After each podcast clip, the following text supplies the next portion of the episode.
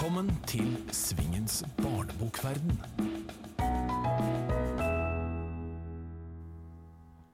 Velkommen til Svingens barnebokverden. Det eneste programmet som omhandler norsk barne- og ungdomslitteratur. I hvert program har jeg to gjester, og i dag er gjestene Lisa Aisato og Audhild Solberg. Lisa, vi skal begynne med deg. Ja, Velkommen. takk. Veldig koselig å være her. Så fint at du tok deg tid, for jeg syns jo at du virker eh, veldig travel. For eh, etter at du eh, debuterte med egen bok i 2008, så ser det ut som du har gjort veldig mye. Ja, jeg har ikke ligget på latsida. Men eh, å tegne og skrive er jo det morsomste jeg vet, så det blir jo veldig mye av det, da. Så da blir det mye produksjon. Stor produksjon. Mhm. Men du har jo altså tatt en, en kunstskoleutdanning. Mm. Tenkte du noen gang at dette kommer jeg aldri til å kunne leve av? Um, jeg skrev en stil da jeg var 13 år at jeg ville bli illustratør, så jeg hadde en sånn Jeg hadde en plan. Men jeg mista motet underveis, det gjorde jeg. Og tenkte at dette går jo ikke. Jeg klarer ikke å leve av det her. Åssen skal man få til det? Alt til og med en lærer som sa til meg at jeg tror ikke du kan leve av å tegne, for du er liksom ikke nyskapende nok. Og da lot jeg som jeg fikk en sånn hostekule, og så gikk jeg og gråt på do. Så jeg, så jeg har hatt en veldig sånn Jeg har ikke hatt noe plan B. Men um, da jeg, jeg Jeg kan fremdeles bli motløs når jeg ser andre som er kjempeflinke. Uh, og det ble jeg også veldig Jeg fikk litt sjokk da, da jeg begynte på kunstskole, for jeg er vant til å være den flinkeste til å tegne. og så begynner man sammen med masse folk som er kjempeflinke, og så tenkte jeg nei, nei, nei, jeg kan ikke leve av dette. Det er så mange som er mye flinkere enn meg. Men uh, etter hvert så møtte jeg mannen min, og han sa da slutter du bare den der jobben din, og så satser vi, så ser vi åssen det går. Kan leve på min lønn hvis du ikke får det til. Og da plutselig fikk jeg det til, da. Det er noe med å ikke bare tegne på kveldstid etter den der 94-jobben. Det er noe med å faktisk sette av tid til å jobbe på fulltid, da. Og da gikk det. Gikk det. Mm. Men ble du eh, forfatter som en følge av det at du illustrerte og tenkte at det hadde vært fint å skrive noe selv òg, eller hadde du en, hele tiden en plan om at du også skulle skrive? Jeg tenkte aldri på at jeg skulle skrive noen ting, jeg. Så det var egentlig bare fordi at eh, jeg hadde så mye bilder jeg hadde lyst til å Eller jeg lager bilder, og så blir jeg til veldig nysgjerrig på de bildene jeg lager. Og da tenker jeg at det kan være spennende å skrive historier om de bildene. Og da må jeg gjøre det sjøl, da. For jeg har hittil ikke møtt noen forfattere som som, sier 'Å, jeg har lyst til å skrive en historie om bildet ditt'. Men de kan gjerne komme frem hvis det er noen som vil det, altså. Men, uh, så, jeg, så jeg hadde en plan om å bli illustratør, og så har jeg bare snubla over forfatteryrket, da, kan du si.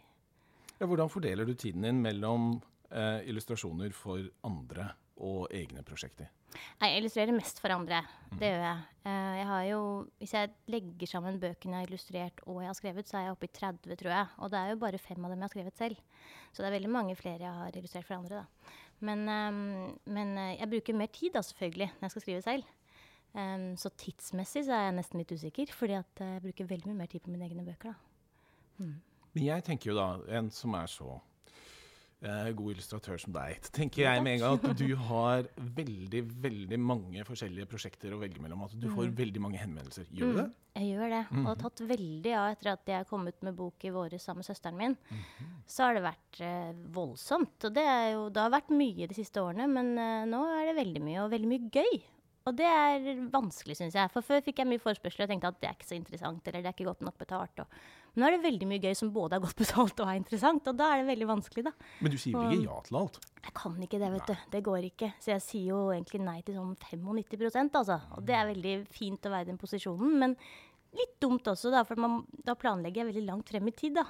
Så det kan jo plutselig dukke opp ting som er kjempespennende, men da har jeg på en måte skrevet kontrakt på andre ting, og ja, sånn er det jo bare. Men det er jo luksusproblem, egentlig. Men når du illustrerer for andre, hvilke kriterier går du etter når du sier ja til noe? Ehm, først så ser jeg på forfatteren og googler litt og finner ut hva slags menneske det er og hva han har skrevet før.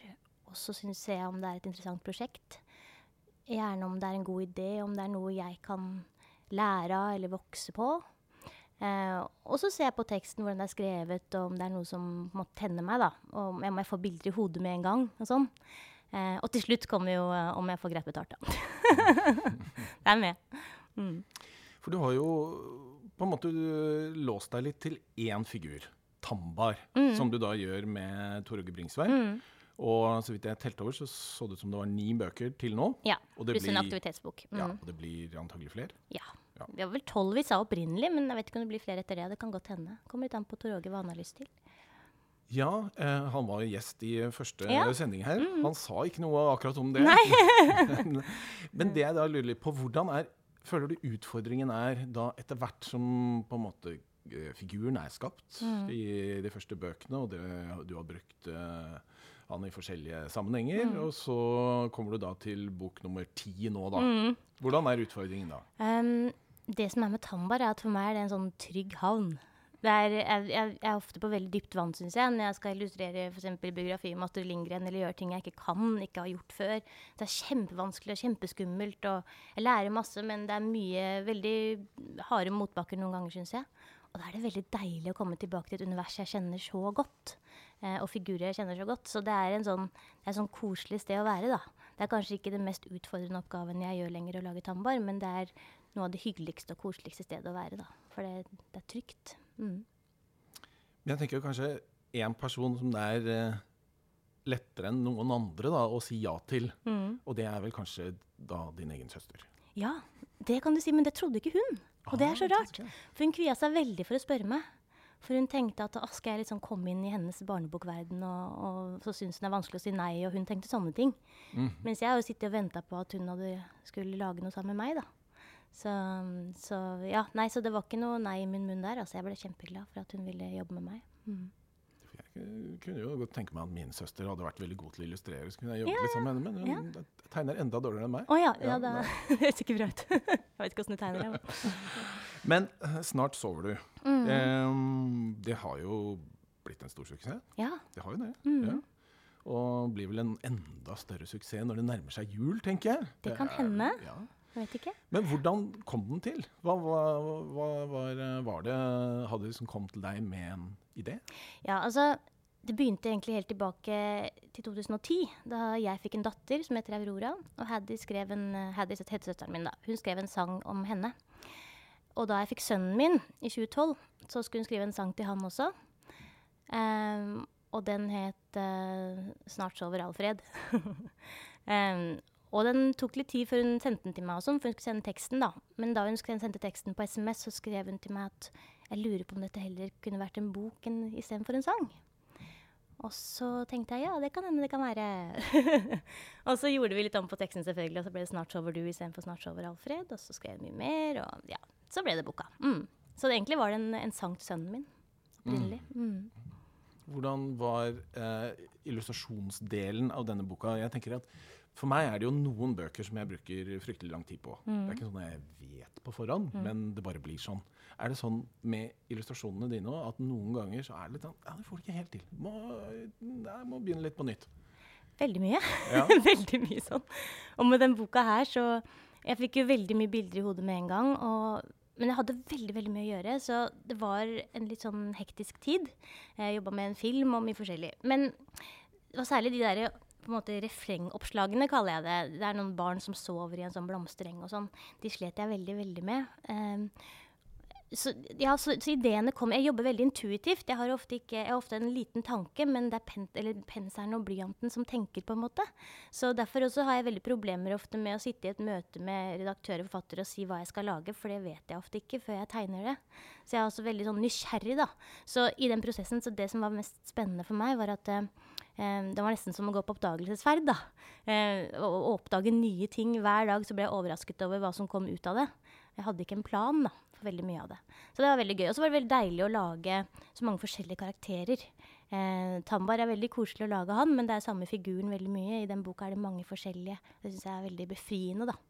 Um, og ja, Så det var en veldig morsom og kjempespennende prosess, altså. Og så var det gøy å jobbe med søsteren sin, for jeg er jo jeg kan kanskje ikke virke sånn, men jeg kan være litt sånn sosialt klønete. Og jeg er alltid veldig redd da, i møte med de forfattere som jeg skal jobbe med. Redd for at de syns at jeg er uh, idiot.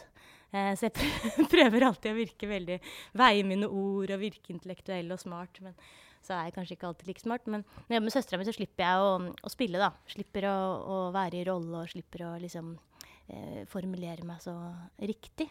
Da kan jeg bare slenge ut masse dårlige ideer, og så kommer de gode etter hvert. Og det er veldig befriende og deilig. Mm. Så jeg ble veldig trygg da, i den prosessen. I disse sendingene så uh, pleier vi å ha noen gjestespørsmål. Ja.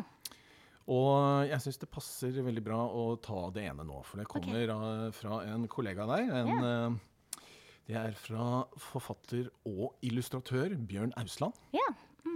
Han skriver ehm, Vi jobber begge med å lage bøker hvor vi både skriver og tegner. Er det noen del av prosessen ved å lage en bok som du liker bedre enn andre? Og så ramser han opp idé, skrive, lage skisser, tegne original, fargelegging og ferdiggjøring. Um, jeg er alltid ganske stressa på idéplanet. For jeg tenker alltid at dette, dette, nå får jeg det ikke til, nå har jeg mista det. Det tenker jeg alltid. Det synes det er veldig deilig når jeg kommer over den kneika og syns jeg har, liksom, har knadd historien og føler at jeg har et godt utgangspunkt. Det er veldig deilig å komme dit, syns jeg. Så jeg liker vel aller best når jeg liksom kan virkelig komme i flyt og bare sette på en god lydbok og på en måte bare fargelegge og ferdigstille og legge på skygger og detaljer og komme på masse små, rare detaljer som gjør at det heves da på et eller annet vis. Det liker jeg aller best, tror jeg. Um, jeg syns den andre prosessen er veldig mye vanskeligere. Det er nok da jeg vokser mest og lærer mest. Og, og det er veldig interessant, men jeg syns det er vanskelig. Mens bare å flyte på en sånn deilig bølge og ikke tenke, det er et veldig godt sted å være, syns jeg. Mm. Så det er slutten av prosessen, da. Det er liksom siste ukene. det er det aller deiligste. Mm. Som forfatter kan jeg ofte jobbe med gjerne to prosjekter parallelt. Mm. Jeg kan uh, liksom jobbe med det ene den ene dagen, eller kanskje helst det ene den ene uka, og noe annet uh, neste uke. Mm. Sjelden gang så jobber jeg eh, med et tredje prosjekt midt oppi dette, Mm. men noe mer enn det syns jeg blir vanskelig. Hvordan er det for, gjør du det? Kan du jobbe med mange parallelle prosjekter? Altså et eget, noe du gjør for andre, eller kanskje Mm. flere du gjør for andre, nesten samtidig? Ja, jeg kan det, men jeg liker det ikke. jeg har gjort det ganske mye. Og så har jeg hele tiden illustrerer også for Dagbladet, eller for Magasinet, Lørdagsmagasinet. Jeg har en sånn helside der hver lørdag, og det har jeg hatt i mange år nå. Så det har jeg i tillegg hver uke, da, til alle andre prosjektene jeg har. Så det tar også litt tid. Men um, i våres så jobbet jeg døgnet rundt nesten, både med å ferdigstille en film og med en diktbok som nettopp har kommet, og Tambar og veldig mye sånn. Og det, det blir litt for mye. Og da kjente jeg at eh, jeg fikk litt sånn klump i halsen, for jeg var så veldig veldig stressa. Men sånn som jeg har det akkurat nå, nå jobber jeg bare med Dagbladet og min egen bok. Det er helt perfekt, syns jeg. For da kan jeg liksom legge bort min egen bok litt, og så jobbe litt med Dagbladet, og så se litt med nye øyne. For jeg, når jeg bare jobber med ett prosjekt, ikke Dagbladet engang, så kan jeg bli litt blind også. Det er deilig å få det litt på avstand. Legge det bort en dag og komme tilbake og sånn. Så det på to, to ting er fint, som Dagbladet og ett et prosjekt til. Det er perfekt. Men det blir ofte mer, da. Baller litt på seg innimellom. Så det betyr at du jobber med en ny egen bok Ja, som ja. skal komme neste år. Ja, Ja. det gjør jeg. Mhm. Mm. Men eh, det er veldig vanskelig å snakke så mye om den, for at det, Det ja, om. ting forandrer seg så mye. Ja, jeg vet akkurat hvordan det er. Jeg jinxer det Mm. Men vi kan håpe på at den dukker opp i 2017 Ja. på våren eller på høsten. Jeg håper våren, men Ja. det kan hende det blir høsten hvis jeg gjør veldig mye om det. For at jeg tegner problemet, eller det som er på en måte vanskelig og fint når jeg jobber med mine egne bøker, at jeg jobber veldig parallelt med tekst og illustrasjon. Så hvis historien slynger seg og blir helt annerledes, så må jeg lage alle illustrasjoner på nytt igjen, da. Så, for jeg klarer ikke å Tekst og bilde går så i ett for meg, da. Så jeg klarer ikke å bare lage tekst. jeg må liksom lage bilde til. Så, så det er ganske omstendelig. Så Særlig også fordi historien liksom blir til mens jeg går. Så da går jeg tilbake, og så kaster jeg det, og så lager jeg på nytt, og så går jeg tilbake, og så kaster jeg det, og så lager jeg på nytt. Så det tar tid, altså. Mm. Vi skal snakke litt om inspirasjonskilder. Ja. Det er ofte litt vanskelig, syns jeg, eh, Mm. å, å på en måte sette fingeren på hvem er det som egentlig er de store inspirasjonskildene. Men jeg har funnet ut, og etter eh, mange års tenking, Mm. at uh, Roald Dahl er min nummer én. ja. Har du en nummer én på illustrasjonsfronten hvis vi tenker bokillustrasjoner? Ja, det har jeg faktisk. Og hun oppdaget jeg reiste til Sør-Amerika et halvt år, og så kom vi inn i Buenos Aires i en sånn bitte liten um, bokhandel som var kunstbøker for barn. Der det bare var det. Det var veldig sært og spesielt, men fra hele verden, da. Så altså virkelig fantastisk illustrerte barnebøker. Så jeg var jo der i timevis. De måtte sånn kaste meg ut. Og der oppdaget jeg hun, en fransk illustratør som heter Rebecca Jeg vet ikke hvordan man uttaler det. Dautremer, eller Dautremer skrives det i hvert fall. Og hun er min favorittillustratør.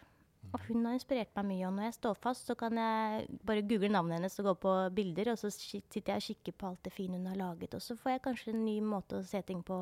Hun har lært meg litt om perspektivbruk, og se ting ovenfra, fra siden og unnenfra. Og ja, fargebruk og alt mulig. Mm. Så er veldig inspirert av henne. Men Svein Nyhus syns jeg også er fantastisk, altså. Mm. Han kommer vi tilbake til. Ja, nettopp. Men eh, nå Jeg er heller ikke så god i fransk, så jeg skal Nei. ikke prøve å si dette navnet. Er, hun, eh, er noen av bøkene hun har illustrert på norsk? Ja, én, men det er en av hennes dårligste, syns jeg. så, så jeg har jo da virkelig vært på Amazon og overalt og kjøpt det Jeg har funnet av hennes bøker, men de er gjerne på fransk og spansk og sånne ting, så jeg ofte kan jeg ikke lese dem, men jeg ser bare på bildene. Um, og så var det én bok som jeg lette så veldig etter, for hun har illustrert Alice i Eventyrland. Tjukk, fantastisk, gigantisk bok. Og den var utsolgt overalt, og det var ikke måte på. Og så var søstera mi på reise i um, Frankrike. Og så hadde hun da funnet den boka. Den var svær og tung, altså. Og hun dro den med seg altså, i tre uker rundt i Frankrike. Og tok den med seg hjem til meg. Det var veldig stas, altså. Fantastisk. Mm. Så jeg blar stadig i hennes bøker. Men hva med din egen stil? Er det sånn at du hele tiden prøver å utvikle tegnestilen? Altså utfordre deg selv på en måte med å gjøre noe som er litt annerledes enn du har gjort før, eller noe som er vanskeligere for deg, eller hvordan gjør du det? Mm, jeg prøver ikke det, men Nei. det skjer litt sånn automatisk. Mm. Og så får jeg av og til oppgaver hvor jeg må finne på noe nytt, eller jeg må, må se ting på en ny måte. Så f.eks. den Astrid Lindgren-biografien som jeg illustrerte, der kunne jeg ikke sitte og lage karikerte, rare, morsomme ting fra mitt eget hode. Jeg måtte faktisk ha portrettlikhet og sånne type ting. Og Astrid kunne ikke bare ha på seg noen artige klær, hun måtte ha litt sånne klær som hun hadde da hun var 15 år. Altså, det var veldig mye nye problemstillinger jeg kom opp i, da. Og da måtte jeg rett og slett finne på en ny måte å tegne og male på, som funka i den boka. Og det var jo kjempevanskelig. Og jeg syntes det var helt forferdelig. Jeg tenkte at jeg hadde tatt meg fullstendig vann over hodet. Men så er det jo da man vokser, da. Så, um, og den teknikken har jeg brukt masse siden da, i andre, ja, i magasin og forskjellig sånn. da. Så, så man lærer jo noe nytt da, så klart. Men jeg tror, ikke jeg, jeg tror ikke jeg bevisst tenker at nå skal jeg finne på en ny teknikk sånn når jeg lager en bok, men det bare kommer av seg selv, da. Mm, tror jeg. Tror du det er lett for uh, leserne å gjenkjenne at å, dette er Lisa Aisato? Jeg er sikker på det. Det må være hun som har illustrert det. Tror du det? De sier det, det er veldig Ja. mange som sier det. Men jeg syns jeg gjør så mye forskjellig at jeg blir sånn overrasket over at folk alltid kjenner det igjen. Så det er nok en eller annen nerve i streken min som er gjenkjennbar, da. Eh, men jeg klarer ikke å se det. Det er som å se sitt eget speilbilde og si Altså det er sånn, det er sånn Jeg klarer ikke å sette fingeren på hva det er, da. eh, som gjør at folk kjenner det igjen. Det må kanskje andre si. Jeg vet ikke. I eh, 2008 så utga du en bok som heter 'Mine to eh, oldemødre'. Mm. Og handler om en eh, norsk og en eh, gambisk eh, oldemor. Mm. Jeg hørte en gang at det kom en eh, liten kampanje rundt den boka. Stemmer det? Ja, det stemmer. Det var fryktelig hyggelig, da. Ja. For den, eh, det var ett opplag, og så var liksom det utsolgt. Og så var det ikke så veldig mye etterspørsel etter den, så de ville ikke trykke den opp på nytt. Og så plutselig ble det ganske mye etterspørsel, men trykka den ikke opp på nytt. Og så ble det en sånn Facebook-gruppe som begynte å starte en underskriftskampanje. Og det var jo en Facebook-gruppe som primært sto av mødre og fedre som var gift med et menneske, fra, gjerne fra Afrika eller et annet sted i verden. Eh, for de syntes den boka var så god da, i forhold til dette med, å, med etnisitet og ha liksom, røtter i forskjellige land. Og. Så plutselig ble det veldig mange underskrifter, og så ble det trykt opp på nytt. Så det var jo veldig hyggelig, da. Syns det var veldig stas. Det jeg lurer litt på da, er liksom, det er ofte sånn at mange er veldig entusiastiske, og den må vi få tak i. Og så først kommer den, og så glemmer de å kjøpe den. Mm. ja, ja. Den har faktisk solgt, altså, så det har gått ganske bra. Sånn som jeg har forstått det. Mm. Så det er hyggelig. I dette programmet så pleier vi å utfordre gjestene i å fortelle en forfatteranekdote. Ja. Eller illustratøranekdote, for den Ja. saks skyld. For vi driver jo med fortellinger på en Mhm. eller annen måte. Mm. Men her vil jeg da at det skal handle litt om virkelighet. ja. Har du noe å fortelle? Ja, altså, jeg lurte på om jeg skulle ta den eller den, men jeg kan eh, Ja, jeg kan jo si den Altså, jeg er litt sånn sær da når det gjelder at andre skal se meg tegne. Da kan jeg få det jeg kaller tegnedysleksi. Altså, jeg, jeg, jeg, sånn som Da jeg gikk på kunstskolen, også, noen satt og så over skulderen på at jeg tegna, så tegna jeg bare feil. Og sånn er det når jeg skriver på tastatur også. Det blir bare skrivefeil når noen ser meg. Og sånn er det når jeg skal signere bøker, til og med. Skriver jeg navnet mitt feil. Altså, det skjer, jeg, det skjer noe oppi hjernen min. Litt, det er et eller annet som er gærent der. Men um, så da vi, vi flytta jo da inn i huset vårt uh, i 2010. Da var jeg høygravid. Um, og vi pustet opp hus i fem år. Var et hus fra 1927. Det bodde tre gamle søstre der. Hun var 100 år, hun som flytta ut før vi flytta inn. Så det var ikke så mye som var gjort der, kan du si. Så pussa opp og pussa opp og pussa opp.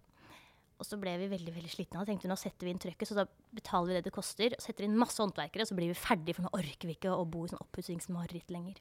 Men jeg jobber jo da hjemme. Og på det verste, da, så da jeg lagde en fisk til Luna, den boka som heter det, så hadde vi da tre håndverkere hjemme. Og jeg jobbet på, på, liksom på snippen av kjøkkenbordet, for det var materialer overalt. Jeg hadde ikke noe sted å jobbe. Og de gikk inn og ut og kikka litt over skulderen min, og jeg fikk ikke til noen ting. Og så begynte jeg å pigge opp gulvet i kjelleren og sette på P4 med Eye of the Tiger i gangen. Og jeg holdt på å bli fullstendig sprø. tenkte jeg, nå, nå, nå klarer jeg ikke å komme på slutten på boka mi. Det, det, det får jeg bare ikke til. tenkte Jeg må bare åh, jeg må bare ta en pause, så skal jeg gå på do. Og der satt det da en håndverker og bæsja og balla og dingla, og det var bare Jeg tenkte at nå, dette, dette orker jeg ikke mer. Så da, altså, da googla jeg leie leilighet i Fredrikstad. Og så flytta vi til gamlebyen i tre uker. For jeg klarte ikke å jobbe. Og der klarte jeg da til slutt å skrive slutten på boka mi. så at jeg må bare flykte fra situasjonen. Ja. Um, mm. Jeg bruker høy musikk, jeg. Så jeg, oh, ja. hver gang det er arbeider i gården der jeg, der jeg bor, ja. så gjør det ingenting. Jeg bare skrur Nei, litt til. Ja. Men jeg tror det aller, verste var at de var der hele tiden. De gikk rundt meg, og de kikka over skulderen, lurte på hva jeg dreiv med. Nei, vet du hva, det var helt forferdelig takler jeg ikke. Men, men blir ikke sånn, for, for, jeg blir litt sånn at når det da kommer folk eh, rundt meg, og mm. sånn, så må det se ut som jeg i hvert fall jobber hele tiden. Og det gjør det jo ikke noe. det, det, det kan du si. Jeg sitter jo av og til og googler ting, og åssen ser egentlig en telefon ut, og ser ut som jeg sitter og gjør veldig rare ting. Nå skal jeg faktisk illustrere en tekst om uh, kinky sex for magasinet her, og da, det hadde nok sett veldig stygt ut hvis folk kikka på skulderen min da. Men uh, nei, så jeg, jeg, vet ikke, jeg bare har, jeg har nok et problem der, rett og slett. At det uh, skal være andre i rommet og sånn, så jeg må være for meg sjøl, altså. Jeg er veldig ja, jeg har innfunnet meg med det. på en måte. Jeg kan ikke jobbe i sånn kollektiv eller sånn kontor med andre i sånn fellesskap. og sånn. Mange som gjør det, det ser veldig hyggelig ut i lunsjen, men jeg takler ikke det.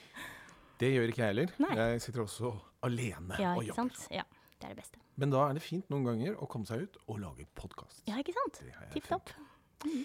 Så det som skal skje nå, er at vi skal få inn dagens andre gjest. Ja. For vi har uh, nemlig uh, også uh, Audhild Solberg, som nå setter seg på plass. Hallo. Hallo. Så hyggelig at du også ville komme. Ja, takk. Mm. Takk for at vi fikk komme. Jeg har faktisk tenkt å begynne, nå som dere er felles her, med Svein Nyhus. Mm. som vi nevnte i stad. For som sagt så kommer det jo inn noen gjestespørsmål.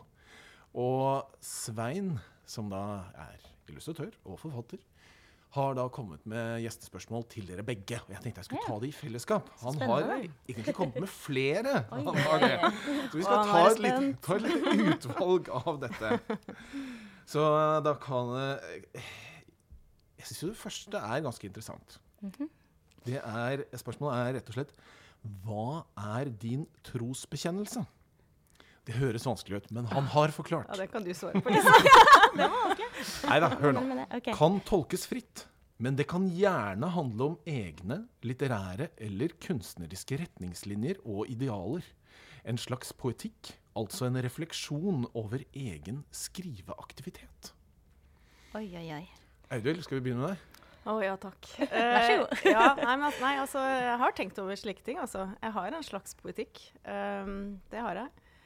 Eh, jeg tenker eh, Det tenkte jeg da jeg skrev den første boka mi, det tenker jeg fortsatt, at jeg vil skrive bøker som jeg sjøl ville ha likt å lese. Både som barn, men også som voksen. Altså jeg vil like mine egne bøker. da. Jeg vil ha lyst til å lese mine egne bøker. Da tenker jeg også at barn vil like det. Um, det er min poetikk, tror jeg. Rett og slett. Det var veldig godt svar, da. For jeg tenker veldig sånn om mine bøker. At jeg, jeg lager litt de bøkene jeg også ville likt da jeg var liten. Mm, så det var veldig likt som det jeg skulle si. Men jeg kan også si at, at jeg, jeg, prøver å Iallfall når det gjelder mine egne bøker, så prøver jeg å lage bøker man kan lese om igjen og kanskje oppdage litt nye ting. Um, oppdage noe som står mellom linjene, eller man oppdager noe nytt på bildet som sier noe mer om historien. Det prøver jeg. Og så prøver jeg også Eh, av og til må jeg gå på kompromiss med det når det gjelder andres tekster som jeg illustrerer, men stort sett prøver jeg, når noe er sukkersøtt, å legge noe litt mørkt i undertonen der. Jeg liker veldig godt den kontrasten mellom det søte og det litt groteske. Så hvis en person er veldig søt, at det er noe som skurre litt, da. Gjelder ikke tambar nødvendigvis, altså, men andre ting jeg lager. Eller den der fisken til Luna som ser så grotesk og fæl ut, som har et veldig søtt og rart og måpende uttrykk. Altså, han er ikke så, det er, det er liksom, jeg liker veldig godt de kontrastene, da. Så det også prøver jeg å bruke det meste jeg lager. Mm. Jeg vet om en illustratør som alltid legger inn seg selv i oh, ja. bøkene sine. Har du noe sånn spesielt som du alltid legger inn? Nei, jeg har ikke det. altså. Jeg har ikke noe sånn fast. Men jeg har faktisk tegna Tor Åge i en av Tamba-bøkene, sånn i bakgrunnen. Jeg vet ikke om noen har lagt merke til det, med bukseseler og en katt på, på skulderen her. Ja. Og så er det veldig mange som sier at de ser meg eller barna mine i veldig mye av det jeg lager. Og det er bare helt sånn ubevisst, tror jeg. Det er nok de ansiktene jeg har sett mest. de dukker plutselig opp. Jeg har lyst til å ta et eh, spørsmål til fra Svein. Ja. Det er egentlig to spørsmål eh, i ett. Og det er litt interessant. Hva er det vakreste du vet? Og hva er det styggeste du vet? Oi, oi, oi. Jeg tror, da må vi jo begynne med illustratøren. Ja. Oi, det var veldig komplisert, for det, er så Det er så mye Det er så stort spørsmål. ja, Det var Eh, vanskelig. ja, det var veldig vanskelig. Jeg skal så prøve å svare noe smart. Det var det jeg prøvde å virke litt intelligent igjen. Da. Men eh, jeg, jeg syns det er ganske stygt Jeg skal prøve å holde meg litt sånn til eh, litteraturen da, og, og illustrasjon og sånn.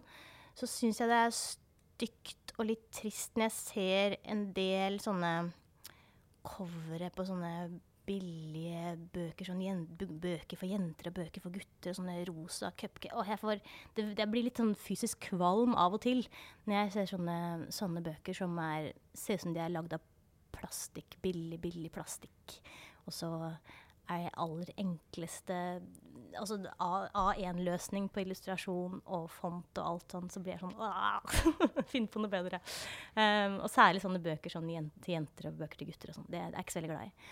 Um, og det vakreste jeg vet um, Jeg vet ikke om du kan legge ut et bilde på nettsiden, ja, men uh, Alfred, sønnen min, tegnet meg her om dagen. Og han har, jeg har en datter som er veldig flink til å tegne, og en sønn som ikke er så veldig flink ennå. Han har ikke tegna så veldig mye. Og da tegna han meg. Det syns jeg var veldig fint. Og da tegna han en stor sirkel og to store øyne og en smilemunn og så masse rynker i panna. Og så sa han 'Se, mamma, jeg har fått med rynkene dine'. Det syns jeg var veldig vakkert. Spesielt stolt av det. Ja, jeg er veldig stolt av den tegningen. Audhild? Åh, ja, nei, vanskelig spørsmål. Um, vanskelig som, jeg tenker på tekst i forhold til eh, vakkert og stygt, på en måte, eh, merker jeg. Men eh, altså det jeg liker godt da, eh, i bøker, altså barnebøker, ungdomsbøker, er jo bøker som både kan få meg til å Altså hvis jeg både begynner å grine litt eller blir rørt, og ler, jeg vil gjerne ha begge deler. Jeg liker best forfattere som klarer å appellere til begge de sansene. Det er noen forfattere som bare skriver trist, og noen som, der du bare liksom At det er bare tull og tøys, da. Jeg vil gjerne ha begge deler. Det liker jeg godt. Men om det er liksom vakkert, det var kanskje ikke så godt svart. Men uh, det styggeste veit Jeg er litt enig det, med det Lisa sier, sånne veldig billige drittbøker. Det fins en del av det. Sånne som det bare skal selge. Det er ikke noe sånn. Sånn estetisk sett er det ikke noe særlig. Nei. Og det, bare skyte inn, Da vi var på den Sør-Amerika-turen da jeg- ja, som jeg nevnte i stad, eh, så var jeg veldig overrasket over den kunstbokhandelen. Fordi nesten alle bokhandlere veldig mange steder i verden Altså Norge er veldig heldig. Vi har et veldig stort mangfold av barnebøker. Så det var litt sjokk for meg å komme særlig til Sør-Amerika og se den rosa seksjonen og den blå seksjonen. Og så mye utrolig ræva barnebøker som fantes. Det var helt sånn, Jeg tenkte hvor, hvor er de gode barnebøkene? Ja, nei, det var bare sånn liten. Mm. Ta et eh, siste spørsmål fra Svein. Nå høres Han har vært produktiv, må jeg si. På. Det Dette tror jeg han har stjålet fra noen portrettintervjuer i Dagbladet. eller noe sånt. Eh, Det er, hvilke tre stikkord vil du beskrive deg selv med? Oi, oi, oi. Nei, nå får du det. Nei, vakker Åh, vanskelig. Det her skulle jeg faktisk fylle ut i går òg, akkurat der. Jeg drev og laga en Yes. sånn der um, Facebook-side om eh, altså bokserien min. da. Og der var det sånn Bruk tre stikkord for å beskrive serien din. Og jeg hoppa over det spørsmålet. Eh, for meg sjøl? Nei, altså Jeg er veldig eh, veldig ryddig. Det kan man jo si. Det er et ganske kjedelig svar. Jeg er skikkelig, skikkelig ryddig. Eh, jeg er veldig uh, kontrollfrikte. Det henger jo sammen. Og for å liksom eh, få meg til å høres litt bedre ut, så må jeg si at jeg er veldig morsom i tillegg. det, det er de tre tinga. Ja, nei, da er vi ganske forskjellige. For jeg er ekstremt rotete. Sånn til ja, irriterende rotete, tror jeg. Og mannen min blir litt sliten iblant, for han er ganske ryddig. Veldig rotete. Um, og ja, så klart kreativ, selv om det er et ord jeg er veldig lei av. Så er jeg ganske kreativ. Jeg er veldig sånn som både i matlaging Jeg tar det jeg har, og det gjelder også illustrasjon. sånn. Jeg er ikke opptatt av å bruke riktig tusj, riktig papir. Jeg tar det jeg har, og så blir det som det blir. Har jeg bare blått og grønt i skrinet, så blir det blått og grønt bilde. Jeg er veldig sånn, ja. Uh, siste Uff, jeg vet ikke. Snill. Jeg tror jeg er ganske snill. Mm. Så bra. Da sier vi takk til Svein Nyhus. Ja. I hvert fall. ja. For nå har vi kommet til uh, de virkelig interessante spørsmålene. De dere skal stille til hverandre. ja. Skal du uh, begynne, Lise? Ja.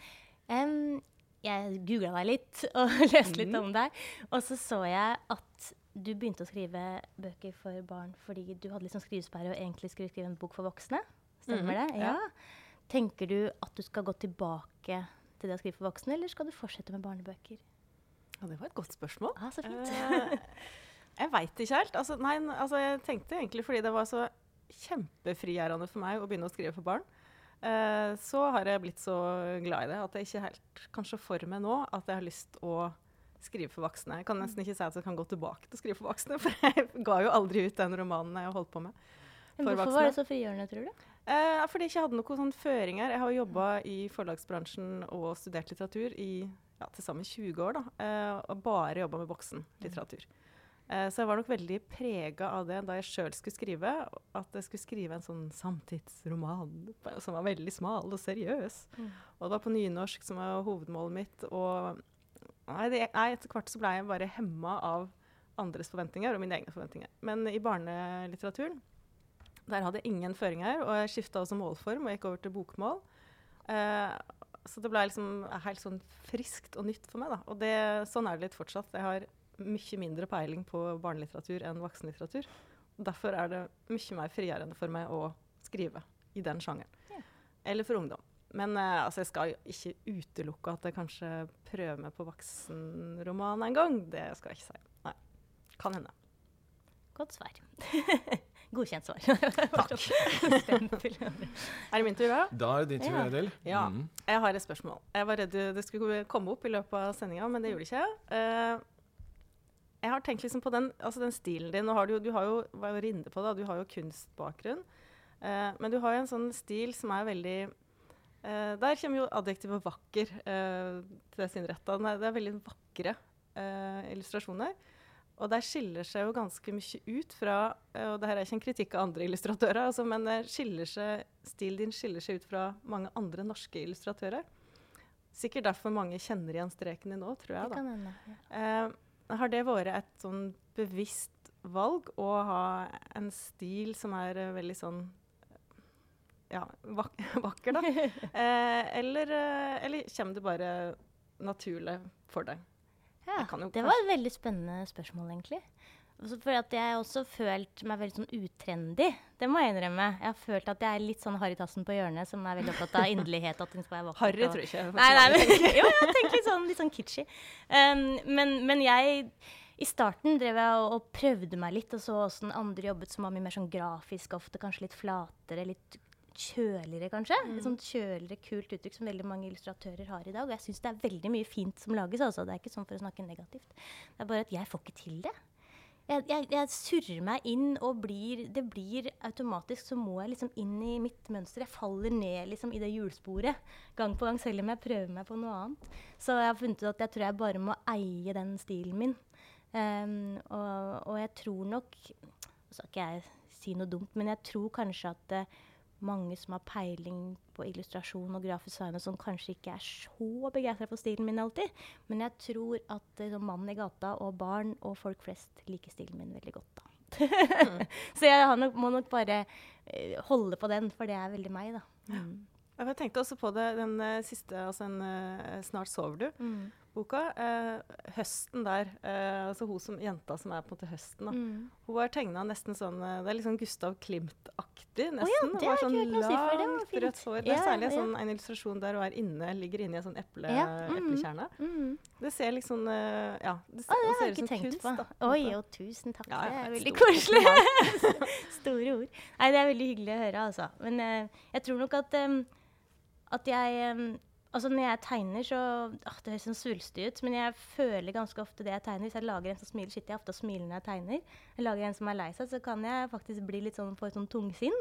Um, så jeg er nok veldig jeg er ganske lidenskapelig når jeg sitter og tegner. Særlig sånne ting som jeg føler noe ordentlig for. Um, og det kommer nok gjennom på et eller annet vis, da. Mm. Det tror jeg. Og kanskje det som noen kan si er den nerven i det jeg lager, kanskje. da. Og det, det vet jeg ikke om alle illustratører gjør. Jeg mener ikke at det er veldig sånn opphøyd og flott at jeg gjør det, men det gjør jeg bare. Mm. Ja, men det er en veldig intuitiv stil, Ja, altså, som du ja. snakka om i stad. Mm. Ja. ja, Jeg lurer på én ting. Og Audhild, du skriver bøker som da Superbitchene er vel omtrent fra sånn 9-10 år og oppover. Mm. Og nå er det jo sånn at flere og flere av eh, de bøkene for hva vi kan kanskje kalle mellomtrinnet på skolen, eh, har litt grann illustrasjoner. Noen av dem har det. Eh, men du, eh, Lisa, du illustrerer jo mest eh, Det blir jo bildbøker på en eller annen måte. Mm. Har du noen gang illustrert noe som har vært for den litt eldre aldersgruppen? Ja, jeg har faktisk illustrert en bok som heter 'Sølvrevene'. Som var vel sånn fra Jeg vet ikke helt, jeg. Sju til ti eller sånt noe. Jeg er Ikke Mhm. sikker, jeg. Mm, Men det var helt i starten. Det var 2008-2009 jeg gjorde det. Så lenge siden. Så det de Mm. ofte får, er jo da type illustrasjoner som ligger litt i teksten. Mm. Ofte ikke eh, noen farge på det. Mm. Kanskje litt mer ja, skal vi si, litt sånn Ser ut som er litt, litt raskere strek, da. Mm. Eh, det er ikke så forseggjort som et stort, fint oppslag vil være i en eh, Men det kan være veldig fint, ja. Det Kan være veldig fint. Ja. Absolutt. Mm. Er det noe som Er det i hele tatt noe du kunne gjort? Ja, absolutt. Ja, Ja, ja, ja. ja. liksom- Jeg syns det er kjempegøy ut, jeg. Mm. Altså, jeg er også veldig glad i Roald Dahl og Quentin Blake, og Mm. det er jo litt den stilen der. Så jeg syns det var en kjempemorsom utfordring å gjort noe sånt igjen. Eh, det er jo litt sånn jeg gjorde den sølvrevne boka, men eh, det er lenge siden. Jeg, nå, når jeg ser på den nå, tenker jeg å, Da ville jeg gjort ting annerledes. men det er godt man har en utvikling, tenker jeg. Det tenker jeg nesten om alt jeg har laget før. Så jeg vil gjerne hatt en en ny sjanse til å gjøre sånne ting. For mitt inntrykk er nemlig at, vel, eh, at veldig mange i den alderen, Mm. fra ti år oppover, også setter pris på at det er noen illustrasjoner i disse Ja, ja. Mm. Sånn, eh, det er tøft at det bare er tekst, men det gir noe ekstra at det Mm. er noen tegninger der. Mm. Som gir en slags sånn pause, og du kan se litt på det, og du kan på en måte sette i gang enda mer av fantasi. Så kan man jo legge inn ting som ikke står i teksten, da. Mm. Det er det som er så fint med det visuelle. Illustrasjon. Det som skal skje nå, det er at uh, du, Lisa, skal gå bort og sette deg i den røde stolen. Så vil jeg si tusen takk for at jeg fikk komme. Veldig fint å være her. veldig hyggelig at du ville komme.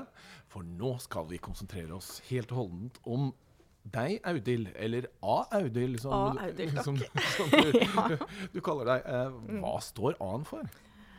Ja, det pleier jeg å spørre barn om av og til hvis jeg lurer. Eh, Hva tror dere? Hva tror du, Ørne?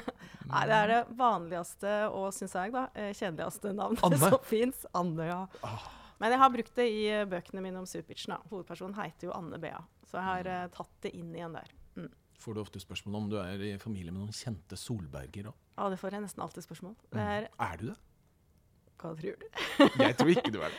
Jo, jeg tror det er det langt uti. Så eh, altså, det har iallfall inntrykk av det i min familie. Så er altså Erna Solberg er langt uti der. Vi kommer iallfall fra samme vesle plass, altså samme Solberg-navn. da. Men jeg kjenner henne ikke. Aldri møtt henne. Men jeg får alltid det spørsmålet nesten. Er du i slekt med Erna Solberg? Den er en gjenganger.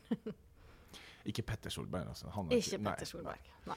Men um, du eh, nevnte jo dine mange år i forlagsbransjen. Mm. Du har uh, rett og slett sittet på andre siden av, uh, av bordet. Bokstavelig talt. Ja. Ja. Hvordan er det å sitte på denne siden? Hvordan er overgangen, og hvordan er liksom Var det sånn du, du hadde inntrykk av at det var i alle disse årene du ikke skrev? Eh, ja og nei. Eh, altså det er stort sett veldig mye bedre å sitte på den sida av bordet. Jeg må jo innrømme det. Jeg hadde jo, eh, hadde jo langt bak i hodet, og etter hvert lenger og lenger fram i hodet, eh, lyst til å sitte på den andre sida av bordet og være forfatter, og ikke redaktør eller konsulent eller språkvasker og sånt, som jeg var. Eh, og eh, i og med at det har gått bra, da det, Jeg har vært heldig av sånn at det har gått bra fra første bok, så har jeg nesten kunnet leve av å være forfatter med en gang. Så jeg har jo fått innfridd mange av de forventningene jeg hadde. Eh, det har jeg. Det som er minuset, det er jo at det er en ganske ensom jobb. Sjøl om jeg sitter, eh, i motsetning til uh, dere to, da, så sitter jeg på Litteraturhuset på skriveloftet sammen med andre. Eh, og skriver, eh, og av og til hjemme. Eh, men jeg kan savne litt å ha kollegaer eh, og ha møter. Jeg savner å ha møter og sånn. jeg hadde sikkert ikke savna det hvis jeg plutselig fikk masse møter igjen. Men uh, det er noe med den der teamarbeidet, da. Det kan jeg savne. For jeg jobber jo ikke sammen med en illustratør eller noe sånt. Jeg jobber jo helt alene. Og jeg er også en sånn type forfatter, har jeg skjønt, som ferdigstiller mye før jeg er i kontakt med redaktøren min. Jeg sitter ikke og, og sparrer eller uh, slenger fram og tilbake ideer. Jeg jobber veldig mye alene. Så jeg kan savne kollegaer. Mm. Da passer det veldig godt å ta et annet gjestespørsmål. Svein Nyhus, eller? Nei, nå har vi gjort unna Svein Nyhus for denne sendingen. Men vi er ikke ferdig med Bjørn Ausland. Okay. Han skriver Du har jo jobbet i forlag. Mm. Hendte det at du jobbet med utgivelser der og tenkte at dette kunne du skrive bedre selv?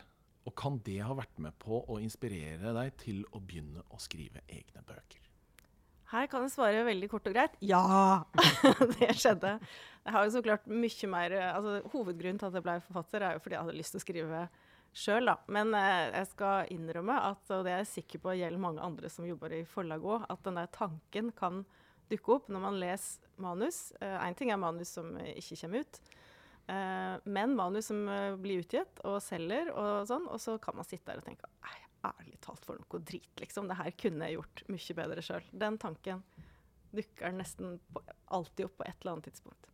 Men det betyr ikke at man gjør noe med det. Det er ofte en sånn naturlig tanke. Det bare kommer fram. Tenk at jeg, den forfatteren her selger så masse bøker. For noe møl. Men uh, så må man jo gjøre noe med det, da. Og nå sier jeg ikke at mine bøker nødvendigvis er så mye bedre, men, men den tanken der har nok uh, det har ikke vært utslags... Eller hva heter det? Uh, det har ikke vært grunnen til at jeg ble forfatter, men den, jeg har tenkt den, ja. Men hjalp det deg til å unngå noen skal vi si, feller? Altså, Du unngikk å gjøre noen tabber som du kanskje tror at du ellers ville gjort? Fordi du på en måte har sett de andre gjøre det. Det der skal jeg i hvert fall ikke gjøre når jeg skriver egen bok. Ja, ja, det tror jeg. Men kanskje ikke så masse at jeg har sett på andres manus. Men det er mer at jeg, jeg kan jo masse om hva eh, hvordan et manus kanskje om ikke nødvendigvis bør være bygd opp, da, men altså en lur måte å bygge opp manus på, og lure måter å utvikle karakterer på, eller hvor viktig det er med gode karakterer og sånne ting. Altså gode personer, da. Eh, sånne ting vet jo en del om fra forlagsbransjen og fra litteraturstudier. Da. Eh, så en del sånne feller har jeg jo prøvd å unngått. Altså jeg prøver å Jeg jobber med å ha gode avslutninger på kapitler eh, vise fram personene mine i stedet for å bare skildre dem utafra. Ja, det er en del sånne teknikker rett og slett da, som har med håndverk å gjøre. De kunne jeg jo fra før, og de har jeg brukt. Du har jo ikke skrevet så veldig mange bøker ennå. Det er tre. Mm. Men de har jo til gjengjeld gått veldig bra. Ja da. Ja. Hva, hvordan startet uh, Superbitchene? Hos meg eller etterpå? Hos deg. Hos meg. Ja. Ja, nei, det, det starta med at jeg hadde Ja, det var den skrivesperra som jeg snakka om i stad. Og, og da jeg først kom i gang da, med dette manuset her Det hadde jeg begynt på mange mange år tidligere. Altså i 2009, tror jeg det var. Men Hvor kom den opprinnelige ideen fra? Ja, nei, den, Det husker jeg ikke. Men det jeg husker, det var at jeg møtte på en fyr som jeg hadde gått på, på skolen med. Ungdomsskolen. Eh, som nærmest var litt sånn skuffa da, over at jeg ikke var blitt forfatter. For han trodde liksom jeg skulle ha vært det nå. Eh, i hvert fall satt jeg med det inntrykket at han var litt skuffa. Jeg ble ganske skuffa sjøl også over at jeg ikke Jeg har ikke blitt forfatter. Eh, og da gikk jeg hjem og så skrev jeg mange sånne små scener om ei tolv år gammel jente. Og jeg tror jeg valgte da en tolvåring fordi jeg sikkert ble minna på det å være barn, da, i og med at jeg gikk på skolen med han. Eh, men jeg la de scenene vekk. Jeg gjorde ikke noe mer med det. Men så, da jeg fikk skrivesperre, mange år seinere, tok jeg det manuset fram igjen. Og da så jeg at uh, der var det en slags sånn uh, nerve, da, en sånn skriveglede, som da etter hvert mangla fullstendig i det voksenbokmanuset. Så begynte jeg å skrive på, på det barnebokmanuset, da, som jeg jo skjønte at det var. Det handla om ei tolv år gammel jente. Så skrota jeg den hovedpersonen, for hun var ganske utydelig for meg. Men jeg så at bestevenninna hennes, uh, som da var ei jente som hadde albinisme, hun var veldig sånn tydelig som person. da. Så jeg utvikla rett og slett et manus basert på henne, som eh, altså var hennes dagbok. Og da skrev jeg skrev den første boka mi på veldig kort tid, egentlig. Jeg tror jeg skrev mesteparten på tre-fire måneder. Eh, det var en sånn kjempefantastisk prosess da, der jeg var i flytsona over lang, lang tid. Eh, der det bare ja, virkelig var sånn det første jeg gjorde da jeg sto opp, var å liksom begynne å skrive. Og jeg skrev hele dagen, og jeg gleda meg liksom til hver dag for å skrive videre. Da. Så det, jeg tror nok eh, mye av den skrivegleden der da er liksom synlig i manuset, og det førte Eller en av grunnene til at det kanskje har gått bra, da. Håper jeg. Fordi den er liksom Ja, det er en veldig overskuddsprega bok, tenker jeg. Og den tredje boka kom altså nå i høst. 'Det spøker Mm. for superbitchene'. Mm. Er det en trilogi? Nei. det er ikke det. Nei, det var Altså, jeg har egentlig ikke hatt noen tanke om hvor mange bøker jeg skulle skrive. Jeg skrev egentlig bare den første sånn eh, det, det var bare ei bok. Uh, men jeg hadde jo en åpen slutt, og jeg hadde veldig lyst til å skrive mer om deg. Uh, så det var jo ikke noe minus, så klart det, da, at det ble en serie. Uh, verken for meg eller forlaget eller for leserne. Uh, så tenkte jeg kanskje jeg skulle slutte med tre bøker. Jeg har ikke lyst til å liksom vatne ut hele konseptet sånn at det blir sånn der, altfor mange, at det blir dårligere og dårligere. Men jeg skal i hvert fall skrive en fjerde bok. Det merker jeg. Jeg har liksom, jeg har en historie til jeg kan skrive. Men jeg tror ikke det blir så mange etter det. Hva heter det når det er fire bøker? Det heter Kvartett. Blir det kvartett? Ja. Ja. Kvartett. Mm. Ja, for det pleier ofte å være trilogier, Trilogier, ja. forfatter driver, driver med. Når de først er eh, flere. Så det er originalt, bare det. Jo, ja, Mhm. takk skal du ha. Det setter jeg pris på. To ord om uh, hva som skjer uh, i Det spøker for superbitchene. Det som skjer, det er at uh, Anne Bea, da, hovedpersonen, og bestevenn Nils og superbitchene og resten av den 7. klassa de går i, de skal på leirskole. Og i stedet for å dra til en sånn leirskole der de skal bade og fiske krabber og padle i kano, sånn som er veldig vanlig, så har jeg da sendt deg til en leirskole langt oppe på fjellet. Avsidesliggende fjell, der det da ligger et nedlagt, forlatt høgfjellshotell. Inni den foregår leirskolen. Her er det klare referanser til, eh, som du kanskje skjønner, 'Ondskapens hotell' av Stephen King, som er den skumleste filmen jeg noen gang har sett. Uh, så jeg har brukt den som en slags sånn uh, Ikke kilde, men altså inspirasjon, da. Uh, for det er en mye mer skumlere bok med altså, spøkelseshistorier og, og sånn enn de to første. Men ja, det, det er greia. Så kommer du dit. Der er det en gutt som døde 13 år gammel for 90 år siden. Og så skjer det masse skumle ting og mye mystiske lyder om natta. og så, ja. En grøsser, rett og Det er slett. en, det er en sånn tilløp til en grøsser. Den er kanskje helt i sånn eh, marg og bein-sjiktet, men eh, det er en veldig st stor eh, forelskelseshistorie her også. Men jeg har brukt element fra skrekkfilmer. Jeg var, var og er veldig glad i skrekkfilm. Det handler om uh, Hovedpersonene er jo jenter. Mm. Og uh, mitt inntrykk er at uh, det ikke har forandret seg så mye siden jeg gikk på skolen. Akkurat det elementet at gutter ikke vil lese bøker som handler om jenter. Jenter derimot kan godt lese bøker som handler om gutter. Hva er ditt inntrykk når det gjelder eh, bøkene dine? Ja, nei, altså Jeg trodde jo først jeg hadde skrevet ei jentebok. Eh, og omslaget på den første boka det er jo ganske rosa. Det var et slags sånn kalkulert eh, eh, grep, altså. Det skal jeg innrømme. Jeg trodde det kom til å appellere, den boka kom til å appellere mest til jenter. Eh, og det gjør det nok òg. Eh, men eh, jeg oppdaga at det var mange flere gutter enn jeg trodde som, som leste den, og de to andre bøkene. Så jeg ble veldig positivt overraska. Men altså mitt inntrykk er nok at det er nok flere jenter generelt som leser. da. Og de leser jo også bøker der gutter er hovedperson. Men jeg har, altså jeg merker når jeg er veldig mye rundt på skoler og bibliotek og møter av 5., 6., 7. klasser. Eh, og det er like mange da gutter som jenter som har lesebøkene faktisk, og kommer bort til meg etterpå. og sånn. Uh, det, det blir fortsatt veldig positivt overraska over det. altså.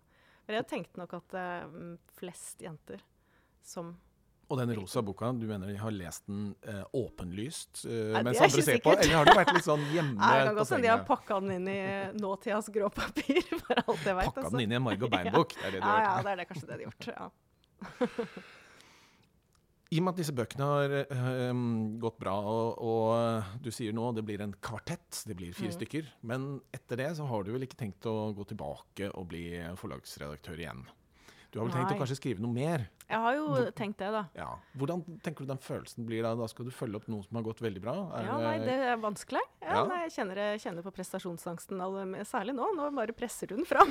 ja, nei, nei, jeg veit ikke helt hva jeg skal gjøre. Jeg Prøver på å minne deg på det. ja, takk. Eh, Jeg holder på med en ungdomsroman nå. jeg har liksom kommet i gang. Eh, Den er i en litt sånn annen type stil, da. Uh, mye mindre humor. Uh, mye mer sånn i, i sjiktet sånn psykologisk thriller. Uh, men jeg veit ikke om jeg får det til. Jeg kjenner allerede at jeg syns det er vanskeligere å ikke skrive med humor. Og ikke skrive med den stilen som er veldig naturlig for meg. da. Sånn, den stilen som jeg bruker i uh, Superbeach-bøkene. Det er en uh, skrivestil som ligger ganske nært opp til min personlige skrivestil.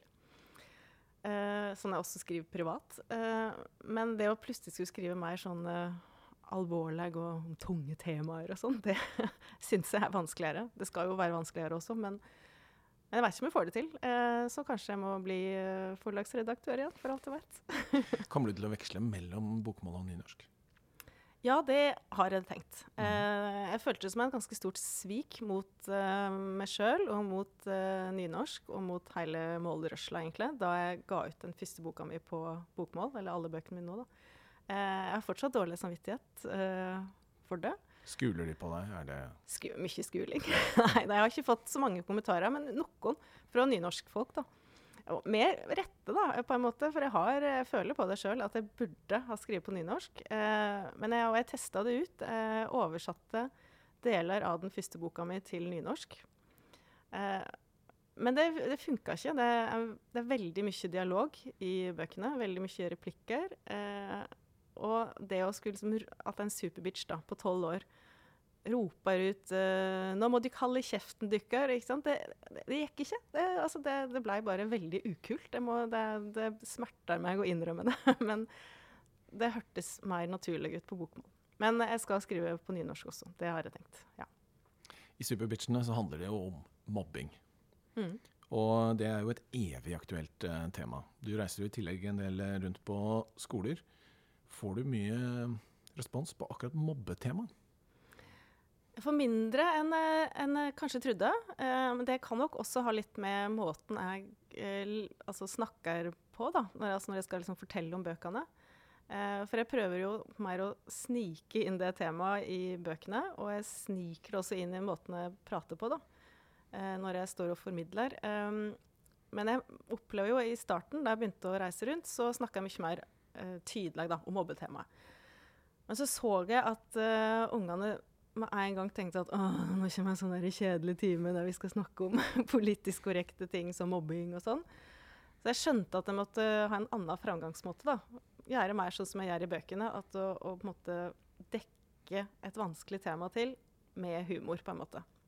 Smugle det inn uh, den veien. Ehm, men det, det skjer eh, f- hadde jeg opplevd flere ganger. Eh, Seinest nå forrige uke, faktisk, da jeg var på turné i en annen by enn Oslo. Da, da var det ei jente som sa, det var i femte klasse, hun sa helt høyt og tydelig foran alle, da, eh, eh, for da hadde jeg snakka om da, mobbing, da, at disse superbitchene bruker da språket, da, eh, banning og sånn, til å mobbe Anne Bea, hovedpersonen.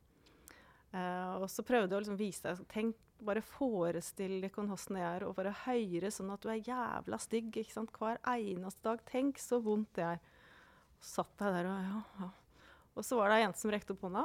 eh, og så, ja, hva var det hun ville si? Jo, nei, hun hadde kommet inn i klasserommet nå nylig, og da hadde det stått på tavla at uh, hun var kjempestygg. Og så ble det bare helt stille i klasserommet. Og jeg blir helt, så blir jeg veldig fort sånn der eh, rørt, da. Eller jeg blir litt sånn Ja, nei, det var, jo ikke noe hyggelig. Og sånn. Eh, men der må en jo bare være liksom voksen, da. Eh, jeg står jo der og har ganske masse sånn eh, makt, på en måte. Jeg må jo takle den situasjonen på best mulig måte, da. Og prøve å få fram da at ja, det her er jo selvsagt ikke greit. At noen skriver sånn. Eh, men da er sånne ting opplever jeg innimellom, da. Og da blir jeg litt sånn eh, satt ut og veldig sånn nesten på grineren av og til. Jeg skrev også en bok som handler litt om eh, mobbing, som heter De tøffeste gutta. og Da var jeg jo mye rundt på skoler i ettertid. og Da var jeg på noen skoler hvor de sa at på denne skolen er det ikke noe mobbing. Så var Ah. lærerne helt tydelige på det. Og i en av de skolene så var det en gutt som rakk opp hånda og sa ja, jeg ble mobba.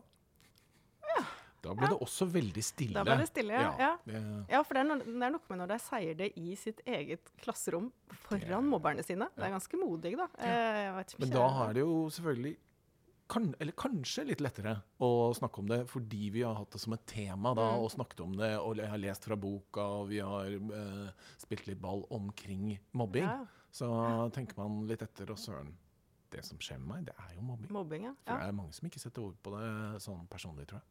Nei, jeg tror med mine bøker, jeg, tror ikke, jeg bruker vel aldri ordet mobbing i, i bøkene. Uh, men det er jo det. Det er jo liksom verbal mobbing, da. Uh, men det, det er ikke antagelig alle barn som leser de bøkene, som helt skjønner at det her er mobbing heller, da. Det, tenker på at jeg får høre masse dritt. Men det er jo, er jo mobbing. Du har jo eh, nå vært eh, forfatter eh, siden eh, 2014. Mm. Og jeg har utfordret deg på en forfatteranekdote. Ja, men jeg har faktisk mange, da. Om Ja. jeg ikke har vært forfatter så lenge. Så jeg er Eh, spent. åh, nei, jeg tenkte å, jeg har kjempemange jeg kunne ha valgt mellom meg. Ja. Uh, bare ta den beste. du. Ja, ja, jeg vet ikke om det er den beste, men Nei, men altså, det jeg tenker på det som ofte som på gjør mest inntrykk når jeg er ute og reiser, da, det er jo enten det at ja, at sånne episoder som jeg snakka om akkurat nå, med hun jenta da, som bare seiler rett ut, sånn at det nesten begynner på å kjenne på grineren, eh, eller så er det de gangene jeg begynner å le. Eh, eller prøver å la være å le, da, for det er jo den der ufrivillige latteren, eh, den kommer ganske ofte. Eh, jeg ler veldig mye med ungene når jeg snakker og sånn, og det er jo greit. Men av og til så er det sånn at jeg har problemer med å la være å le, da, fordi unger er ufrivillig komiske, og det skjer jo stadig vekk. Altså, jeg stiller jo så mange rare spørsmål. Ah, Og så skjønner jeg at de mener, de mener jo ikke å være morsomme. Det er jo bare som Det er jeg som får problemer, da. Og jeg husker en gang, det var helt i starten, jeg hadde nesten ikke vært i klasserom uh, før. Og da seg, da, da var jeg i sånn femte eller sjette klasse, tror jeg. Så skulle jeg lese da fra den uh, første boka mi, så la seg fra starten av der den ene superbitchen da har gjort det veldig dårlig i en talentkonkurranse. Og så fortsetter å lese da, altså Hun kom helt nede på femteplass med dansenummeret sitt. Hun ble til og med slått av Torfinn i parallellklassen. Og han spilte trekkspill i bunad! Og så leser jeg litt til, og så skulle jeg da ha en overgang da, til jeg skulle fortelle en historie om meg sjøl. Og så spurte da eh, klassa om det var noen som spilte et instrument. Så var det ganske mange som rekte opp handa, da. Og så valgte jeg da ut én gutt. Da bare sånn Ja, ja, hva spiller du, da? Og så, så så jeg jo at han ikke var så ivrig på svaret, så jeg burde jo ha lukta lunta. Og kikka han opp med og bare Ja, tre trekkspill, da! Og da så var det et eller annet ansiktet hans Det var ingen som lo. Det var ikke sånn at han ble hengt ut. Uh, men jeg hadde jo veldig problemer med å la være å le. Og særlig fordi jeg møtte blikket til læreren, som satt bakerst. Så så jeg hun, at hun liksom satt der og bevra i munnviken. ikke sant? Og jeg bare Må ikke le, må ikke le, må ikke le. Sånne ting opplever jeg ofte. At jeg nesten uh, holder på å le av barna, da. Og, ja, og så er Jeg har tenkt at det er greit å le. Jo, men der Ja. er jeg jo redd for å henge, altså, henge han ut, da. Jeg hadde jo egentlig allerede gjort det. Jeg hadde jo hengt han ut. Jeg hadde, eller, altså, jeg hadde jo hengt ut trekkspill. Jeg syns jo trekkspill Og det er jo sant, jeg syns jo trekkspill er et skikkelig dølt instrument. Det trenger du ikke å si til ham. Nei, sant, men jeg har jo indirekte sagt det. Han kom helt ned, han ble til og med slått av han og som en trekkspill. Ikke sant? Jeg har jo jeg har nærmest stått der og mobba han. Eh, ikke sant? Og jeg, eh, skal jeg snakke liksom om bøker om mobbing, og så eh, bidrar jeg til det sjøl. Så derfor ble, må jeg må prøve å holde meg da. Jeg kan ikke begynne å le uh, da. Men jeg må innrømme at det kanskje litt av og til. Mm. Jeg har tenkt at bøkene dine kommer til å egne seg veldig, veldig godt som film. Det ja, jo, det har jeg jo tenkt. Det er jo et spørsmål som man veldig ofte får når eh, de har lest noen bøker uh, som de liker. Blir det film? Mm. Ja, ja. ja det får jeg ofte. Ja. Og blir det film? Nei, ikke som jeg veit. Jeg hadde jo syntes det vært helt fantastisk. Så det betyr at det er ingen Nei. som har vært ute Nei, så hvis det er noen her som vil ha eh, opsjon på ja, film- eller dette er et TV-rettighetene Veldig godt tips, Tips, altså. tips, tips. Det vil jeg, eh, vil Ja. jeg Jeg virkelig helt si. enig. Helt enig. Men det forekommer noe banning Ja, i bøkene dine. det Og dette er jo et sånt tema som uh, jeg egentlig ikke har lyst til å ta opp. Men det er helt merkelig hvordan det stadig blir et tema. Og jo lenger du kommer mot Sørlandet, jo større tema blir det. Ja, ja. Så må du Det er mange moralister som er eh, 10-11-12 år, altså. Som ja, ja eh, for slags- moralistene er barna. Ja, Det er ikke de slags voksne, altså. bannepoliti, Ja. rett og slett. Men, Men, jeg eh, kjenner det igjen fra min egen datter, som uh, syns jo det var en forferdelig greie når jeg uh, banna. Mm. Og det skulle hun i hvert fall ikke gjøre sjøl. Så da hun ble skikkelig irritert på meg. Men det hender jo at hun banner litt nå, da. Ja, ja, nei, altså, jeg, jeg banner ikke sjøl, faktisk. Så jeg, jeg lurte på egentlig i starten, på, eller da jeg skrev den første boka, da, eh, og skjønte at det var tydeligvis mye banning her. For jeg fikk det spørsmålet hele tida fra barn. Hvorfor er det så mye banning i boka? Så jeg blei sånn i starten litt redd for at har jeg bare, sånn, har jeg bare kjørt på med banning fordi jeg ikke sjøl banner. Jeg har ikke, kanskje jeg mangla et filter, da. At jeg liksom bare har overdrevet. Men er det forklaringen du gir dem? Nei, nei, nei. Det var det jeg tenkte sjøl. Nei, forklaringa, det er jo For det var et bevisst valg også, da. Eh, Jeg var bare redd jeg hadde tatt, tatt i for hardt. Eh, Nei, det er jo det at mobbinga som foregår i bøkene, er jo verbal mobbing, da. Eh, Og den er bannebasert. Det er tre personer i bøkene mine som banner, og det er disse suppy-bitchene. Ingen andre, altså Jeg bruker ikke banning i på en måte, løpende tekst. At det eller og jeg bruker det ikke som en sånn positiv markør, sånn at noe er jævlig bra. eller noe sånt. Det gjør jeg aldri. Det henger bare sammen med altså, å forsterke noe som allerede er stygt sagt. Da. Så det prøver jeg å forklare barna, og det, det skjønner jeg. altså. Eh, men eh, er, jeg får ofte spørsmål for det er mye banning. Og jeg ser særlig på femteklassinger. Og særlig nå, sånn i starten av skoleåret, når det er, er egentlig ganske små, da, en del av det. Eh, og når jeg leser høyt, og det dukker opp et banneord Og det trenger ikke være et ordentlig stygt banneord, det kan være litt sånn eh, ræva, for eksempel. Mm. Eller fuckings, eller noe sånt. Det går an å bare banne i vei. Ja, I ja. denne podkasten kan du banne så mye du vil. ikke Ja. beeping her. Nei, men da ser jeg Når jeg leser sånne ord, så, så er det sånn at jeg hopper i stolen nærmest. da, Sånn, og, sånn, og så ser jeg på læreren. da, Er det greit at det står en voksen der og banner i timen? Eh, men jeg har aldri opplevd, bortsett fra ei avis på Sørlandet, eh, at voksne har stilt med det spørsmålet, nesten. Eller kommentert det på en negativ måte. da. Det er jo ungene sjøl som eh, er litt sånn moralsk eh, ja. Jeg pleier å si at jeg nå driver jeg og lærer dere å banne. Det, jeg, så ser ja, det no sier ikke jeg, altså. Nei, så ser jeg om noen ler, og det gjør de som regel ikke. For det, ja, for kanskje- liksom de er litt for unge til den eh, ironien der. Ja, altså jeg vil, ikke, jeg vil jo egentlig ikke at jeg skal le av banninga. Jeg vil jo prøve, prøve å få fram at den banninga jeg bruker, det er stygge ord. da. At jeg ikke, jeg bruker ikke banning for å være kul. Jeg bruker det for å skjønne, at jeg skal skjønne at det er stygge ord. Fint. Men da fikk vi faen meg snakke litt om banning også. ja, ja. Jævla Veldig- bra. ja. Mm. Veldig bra, Anne Audhild. Nå har vi kommet til veis ende. Ja. Og, så da vil jeg takke deg for at uh, du kom i uh, dette programmet. Takk skal du ha. Det var hyggelig å være her. Svingens barnebokverden er tilbake om én måned, og i neste episode så er gjestene Arild Stavrum og Harald Rosenløv Eg. Takk til Cappelen Dam for eh, lån av studio. Vi høres. Du har hørt på Svingens barnebokverden med Arne Svingen.